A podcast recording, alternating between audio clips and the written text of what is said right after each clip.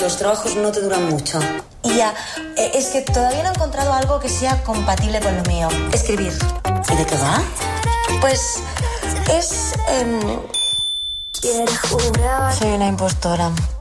Todo el mundo cree que estoy acabando mi novela y no llevo ni 10 páginas. Chicas, necesito veros. Així sona Valeria, és la nova sèrie que aquest divendres ha estrenat Netflix, una escriptora en crisi creativa i matrimonial que es refugia en les seves tres millors amigues per encarar la trentena. Arriba a la pantalla l'adaptació televisiva de les novel·les d'Elisabet Benavent, tot un èxit literari que ja porta venuts més de 1.200.000 exemplars de tota la saga. A Netflix, eh, Valeria és l'actriu igualadina Diana Gómez, bon dia. Bon dia, Roger. Com estem? Bé, molt bé. Va bé el confinament o no? Sí, dies de tot, però prou bé. Dies de tot. Uh, la teva família estava aïllada, tu ets d'Igualada, no? Um, mm. La tens a la Conca d'Òdena, no? Com esteu? Bé, tots bé. Mm. Família i amics, tots bé, per sort. Que la suposo que devia ser um, tot una mica xocant, no? Sí, molt incert al principi, perquè no sabíem ben bé què significava que ells es quedessin aïllats, però, però bé, per sort, mm, tot bé. Mm. S'ha estrenat Valèria, uh, són 190 països de cop uh, a tot el món, tu ets la prota. Uh, devia fer una mica de vèrtic, no? Sí, la veritat és que, que sí, una mica. Són xifres molt grosses, penses 190 països i, i no, no, al cap hi ha, un, hi ha, hi ha algo, algo que, no, que no pot comprendre. O el que passa que també viure-ho des de casa fa que, que sigui més còmode, la veritat. Quantes vegades has vist la sèrie? Una vegada i mitja. No, no l'he vista sencera ara, aquest cop. És a dir, la vas veure abans que s'estrenés, no? Exacte. I, i... I ara vaig com pel capítol 6, A quina hora es va estrenar divendres, això? a les 9 del matí. I, I quan vas començar a rebre missatges, tu? Um, a les 9 i poc de que hi havia gent que ja l'estava començant. Quants missatges has rebut aquests últims dies? No ho sé, uns quants. Molta gent. Um, doncs escolta'm, uh, escoltem com sona, Valeria. Sona així. ¿Qué? Que necesitas la pasta, ¿no? Y tiempo para escribir. Vamos, que estás rezando para que no te llamen. A ver, que tengo menos de un mes para hacer la primera entrega. Tengo que hacerlo bien, ¿no? ¿A cuánta gente conocéis que le dé la oportunidad de hacer algo que le guste? Porque no te llamen del museo. Gracias. Pues mira, porque no te llamen. I aquesta és la Paula Amàlia, no? Sí, sí, és una sí. de les tres amigues, um, perquè uh, hi ha un càsting també amb representació catalana, no? Com va anar, com va anar això del càsting?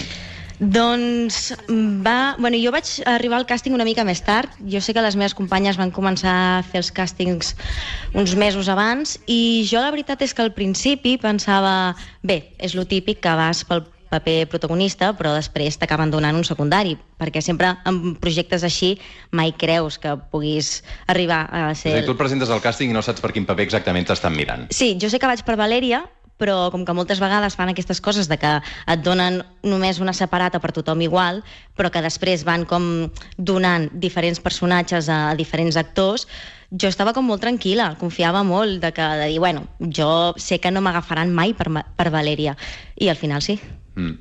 Um, i, i, I amb la Paula, per exemple, que a més a més us coneixeu, uh, tu sabies que també l'estaven mirant amb ella o no? No, no, no, de fet, va ser comentant-ho amb un amic Mm. que em va dir, doncs la Paula Mali està allà. I ens vam trucar i ens vam dir, estàs allà, estic allà, i, i ho vam celebrar. Um, i, I després, uh, quan et van dir que series la prota? Uh, molta emoció, molts nervis. Um, després vaig passar com dues setmanes, perquè clar, des de que t'avisen fins que t'envien els guions passen dues, tres setmanes. I jo pensava, bé, ara arriba el moment que et trucaran i et diran que s'han equivocat, que, que és una broma o alguna No cosa t'ho d'aquestes. No m'ho creia, no m'ho creia. Mm. Um, i, I tu, uh, o sigui, quan ara mires la sèrie, que ja està, veus el resultat final, uh, saps també tot el que ha costat, perquè, per exemple, una sèrie de 8 capítols a Netflix com aquesta, de 40-50 minuts, amb, amb... quant temps es triga a gravar això? Nosaltres vam començar eh, el procés d'assajos a principis de maig i vam acabar tota la sèrie a principis de novembre. O sigui, van ser bastants mesos. O sigui, gairebé mig any. Sí. Mm. Um, i, I una jornada, per exemple? Jornades normalment són 10 més una. 10 més una significa que són 10 de rodatge i una de preparació prèvia. O sigui, 11 hores de jornada. Exactament. déu nhi no? Mm. Um, i, i, I clar, 8, 8 capítols um, d'aquests 40-50 minuts, uh, 6 mesos de feina, um, i després ho veus uh, engegant la tele de casa teva. Um, T'agrades o no? hi ha escenes de tot. Hi ha escenes que sí que m'agraden, hi ha escenes que no, hi ha escenes que penses jo l'havia fet d'una manera i el muntatge no es veu, i o altres... escenes que no surten, no? I escenes que no surten, exactament. Mm. Um, i, I tu reconeixes la Diana quan veus Valeria o no? A moments, a moments sí i a moments no. No et sabria dir ben bé, però òbviament és una sèrie que a més el to és supernatural i, i treballàvem molt des de nosaltres, però sí que l'energia principal del personatge, i més com que està en aquest moment de crisi, eh, és una mica més baixa. Mm -hmm. Uh, a més a més, uh, ara et toca fer tota aquesta promo des de casa, uh, amb, per 190 països, amb molts idiomes diferents, no? Uh, com tu fas? Has muntat un plató a casa? O...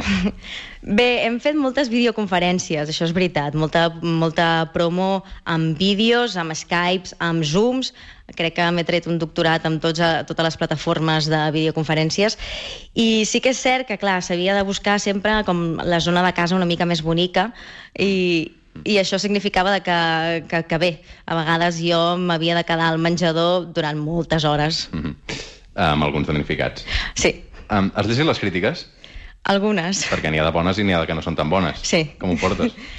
No és fàcil, no és fàcil. Sempre vols que, que tothom digui meravelles de la teva feina i que li agradi a tothom. Però bé, també és cert que, que és molt complicat, que nosaltres ja sabíem que, que és molt complicat adaptar una saga tan estimada com són En los zapatos de Valeria i hi ha de tot. Mm. Um, i, I tu creus que es pot jugar a, a favor uh, el tema de- d'estrenar ara en ple confinament o no? Sí, sobretot um, jo crec que la gent la veu més, mm, més de cop. O sigui, conec a molta gent que ja s'ha vist tota la sèrie sencera i es fa maratons de seguida. I això jo crec que el confinament ajuda. Mm. Hi ha molta gent que es queixa perquè diu que no s'imaginava la Valeria amb el, el pèl roja. Sí. Bueno, aquesta jo crec que és la crítica més petita que podem trobar. Sí? Eh, Sí. Què més critica la gent? Bé, hi han hagut alguns canvis. Uh, hi han trames que no són les mateixes, hi han personatges que tenen canvis bastant importants i, i bé, jo entenc que, que la gent que s'estima tant el llibre i que més clar, és molt difícil complaure la imaginació dels lectors perquè la imaginació és molt poderosa. Suposo que t'han preguntat 70 vegades si és una sèrie feminista, no? Sí, no tant, eh, per això. I què dius? Bé, jo crec que no és una sèrie amb una reivindicació feminista a l'uso, però sí que és cert que, que, clar, hi ha hagut una actualització de les novel·les a la sèrie i naturalment hi ha hagut una evolució dels personatges i ens trobem uns personatges molt més alliberats i que són conscients que l'amor no ho salva tot i jo crec que això sí que, que es veu. És un Girls o un sexe a Nova York a l'espanyol o no? És un bon símil aquest o no? Entenc les comparacions, entenc les, que l'estructura és similar, però, però crec que el com és diferent. Mm, Som al suplement, som a Catalunya Ràdio, estem parlant de Valèria, el més nou de Netflix, amb la seva protagonista, la Diana Gómez. Um, és una sèrie on, on hi ha molt de sexe. Escolteu això. ¿Sabes qué estaba escribiendo? Una novela erótica. ¿Y sabes por qué me la han tirado? Porque todo sonaba mentira. Porque tuve que buscar en internet sexo a los 30.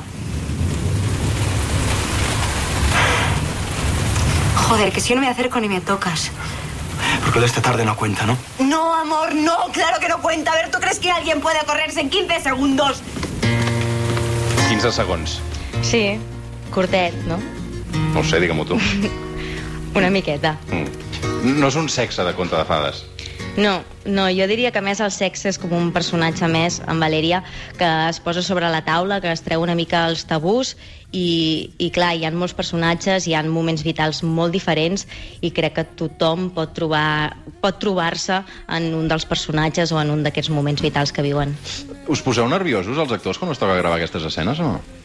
Sí, però diria que només que qualsevol escena complicada, ja sigui a nivell emocional o a nivell tècnic. Mm. Què us diu la directora quan heu de gravar, per exemple, un, un bulbo? Mira, en aquest cas, com que el sexe era molt important en Valèria, sí que és cert que nosaltres pactàvem molt la coreografia, algunes escenes sí que les vam assajar, vestits, i després també en aquest cas eh, teníem dos, dos dobles de llums, eh, que llavors ens ajudaven molt perquè a l'hora que col·locaven les llums eh, al set, ells estaven col·locats allà. Llavors nosaltres també podíem veure quin tipus de plano hi havia i què es veia, què no es veia i com es veia. O sigui, tu saps que, que, quina part del cos et graven i quina no? Normalment sí, també depèn Està del... pactat, això? Sí, normalment sí. Uh, també és cert que aquí, en Valèria, és una sèrie que també es, mostra el sexe d'una manera molt, molt natural. Llavors nosaltres també, uh, des d'un bon inici, vam pactar que es veurien els cossos d'una manera molt natural. Mm. Però um, aneu despullats del tot? No, Ah. no, no. I a més aquí, en Valèria, vaig descobrir que no portaríem el típic tanga uh, de color carn, sinó que hi havia... Com, com, com, com, com, com? Normalment sempre es porta com un tanga, uns calçotets de, de color carn. Ara bé, aquí a Valèria portàvem com... Hi havia dues versions. Hi havia la versió de portar com unes enganxines, un tanga en forma d'enganxina. Ai, carai, quina nosa, no? Sí, bueno, t'acostumaves al final. O una altra versió pels nois, sobretot, que jo li, jo li deia Chernobyl, perquè havia acabat de veure la sèrie Chernobyl. Un Txernòbil. Un Chernobyl. Què és un Txernòbil? Bueno, sí. Com un tanga, o... Bueno, aquestes hueveres que es veuen a Chernobyl, Sí. sí. doncs eh, tenien com... Taparrabos, allò prou consistent, no? I llavors era com una cosa més dura que llavors tenia com un, un pal que els, se'ls hi posava pel cul. Bueno, no dintre el cul, però vull dir que... mm, Molt còmode, fa la pinta de ser una cosa molt Sí, gratificant. la majoria d'ells al final optaven per una altra versió. I escolta'm, tu pots posar límits com a actriu eh, i dir això no ho vull fer o això no vull que m'ho graveu? Sí, a vegades costa, però, però sí, mm, també jo crec que l'experiència ajuda i, i aquí també amb Valèria també ajudava a tenir els dobles de llums i veure... Bueno, S'assembla a tu la teva doble de llums o no? no, era baixeta, sí que era baixeta, però, però no ens assemblàvem, no. Mm -hmm. uh, com explicàvem a Valèria, uh, Valèria és un retrat generacional de la trentena, amb, amb una protagonista que no se'n surt com a escriptora, uh, que té problemes de peles, amb una relació que no funciona, i de cop apareix el Víctor, que és el Maxi Iglesias, i que ho capgira tot, no? Què tal treballar amb el Maxi? Molt bé, molt bé. La veritat és que, que és un actor molt generós, que, que a més no només mirava en pro del seu personatge, sinó que mirava en pro del meu personatge. O sigui, sempre volia com que el meu personatge, que la Valeria creixés d'alguna manera, i a mi això em sembla que, que és d'una generositat molt bonica. Maxi Iglesias, bon dia, buenos días. Buen día, Tom. Què tal? Com estàs? Aquí escuchando Parla Catalá, que más o menos entiendo una miqueta, pero algunas cosas me cuestan todavía. ¿Estás en Madrid? Eh, estoy en Madrid, sí. ¿Cómo lo llevas todo? Eh, lo llevo bien, lo llevo bien. Antes escuchaba hablar a Diana de, de lo que podría servir la serie para, para el confinamiento. Y al igual que Valeria está sirviendo para mucha gente, por lo menos esas horas del tirón que le están haciendo, eh, bueno, pues eh, evadirse un poco. A mí también me, o sea, me he evadido con muchas series, con muchos libros que tenía pendiente y, y algunas cosas también que tenía pendientes de, de hacer. Y la verdad que bien, o sea, puedo decir que bien. Porque creo que además tú, tú está- hasta marzo estabas en, en Argentina, ¿no? O sea que volviste un poco justo antes de que empezara el confinamiento. Estaba en Argentina, sí, estaba en Argentina y tenía previsto volver para finales de marzo, que teníamos eh, la presentación de Valeria en, el Festival de Málaga. Y, entonces me volví justo en el último vuelo que había de, de ir a Europa, de Buenos Aires a Madrid. O sea, ya era el último, y a los dos días también cerraron allí todo como, como aquí. En Valeria, uh, Maxi es Víctor, el gran seductor, uh, ese personaje clave que lo cambia un poco todo. Uh, ¿Te gusta hacer este papel de, de guapo irresistible? ¿Te sientes cómodo? ¿Te molesta que siempre te, pongan un poco esta, esta etiqueta también? Mm, No, o sea, yo confío mucho en el criterio de- del espectador también. Dentro de esta eh, generalización o dentro de, de- de- de englobar así en cuanto hay un físico y ya tienes una manera de hablar, confío muy mucho en que luego el espectador eh, vea esas diferencias, ¿no? Entonces, al final, si por un físico destacas, en, independientemente en el tipo de género que estés haciendo, ya sea thriller, comedia o terror, incluso, que hizo una película en, en Barcelona, se llama XP3D, que era terror puro y duro, pero al final tienes un físico, eso te acompaña. Y no, no creo que haya que renegar de ningún físico, pero ninguna de las eh, opciones que tengas. O sea, si eres bajito y solo por tu eh, metro cincuenta y tu cara haces reír, No puedes renegar de eso, o sea, es una maravilla que tienes. Y si por el contrario mides metro ochenta y tienes los ojos claros, pues chico, no te pongas gafas porque es lo que es.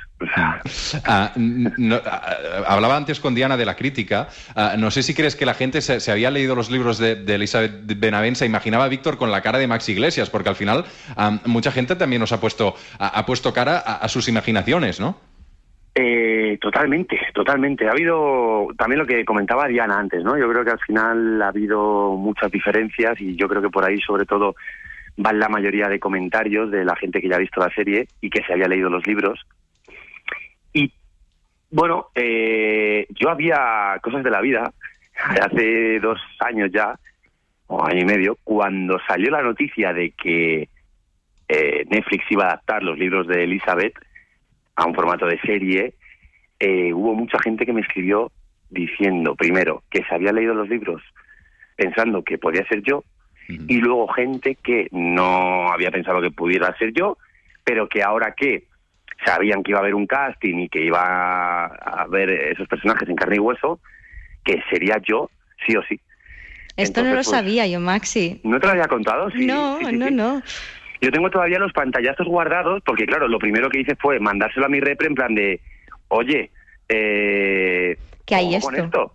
claro, porque yo no tenía ni idea de que iban los libros y de repente empiezo a, a ver comentarios y sobre todo a raíz de la noticia que salió y, y sí, sí, entonces mi repre se puso en contacto con ellos y, Bueno, Víctor vino a ti, al final. y, y luego Víctor vino a mí al final. Ah, de, de hecho, Maxi, creo que fue un rodaje a contrarreloj, ¿no? No sé si fue un handicap ah, y rápido también al final.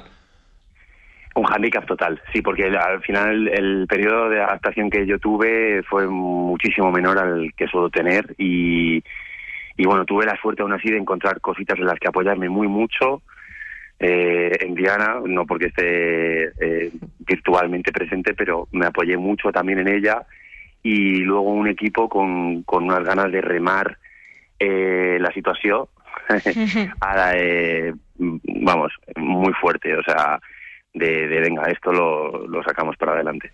¿Habrá segunda o no? Habrá segunda, ojalá, eh, ojalá que sí, porque yo creo que la primera ah, es un poco presentación, ¿no? Es un poco presentación, Totalmente. cono- conoces a los personajes y, y yo creo que a, a mí, por ejemplo, me están escribiendo que la gente, sobre todo la gente que se ha visto la serie eh, entre ayer y antes de ayer, que ya se han visto los ocho capítulos, dicen, o sea, nos hemos quedado con ganas de más, queremos segunda temporada. Ojalá. Uh, Max Iglesias, cuida't moltíssim, uh, moltes felicitats també per la feinada i una abraçada cap a Madrid. Moltes gràcies. I Un abrazo, Maxi. Un, un salut per tots. Adeu, adeu, que vagi bé. Adeu, Adeu. bon dia. Tía, me ha puesto muchísimo. ¿Sí? Mucho, en serio, de verdad me ha encantado. Os lo he dicho. ¿Y? Bien, interesante. ¿Sí? Sí, tiene, tiene giros. ¿Me puedes pasar el resto? Porque yo ya estoy enganchada. ¿Os ha gustado, de verdad? Doncs això és Valèria, una sèrie que recomanem moltíssim, la trobareu a Netflix aquests dies. Uh, Diana Gómez, moltes gràcies també per haver vingut avui al suplement. A vosaltres. Què dinaràs avui? Què dinaré? Mongeta tendra i patata, crec. Sí? Sí, fa un dia així una mica... Farà de poc diumenge, per això. Sí, una mica de vermut abans, va. Molt bé. Uh, molts ànims. Gràcies, igualment. Fem una pausa i tornem. Fins ara.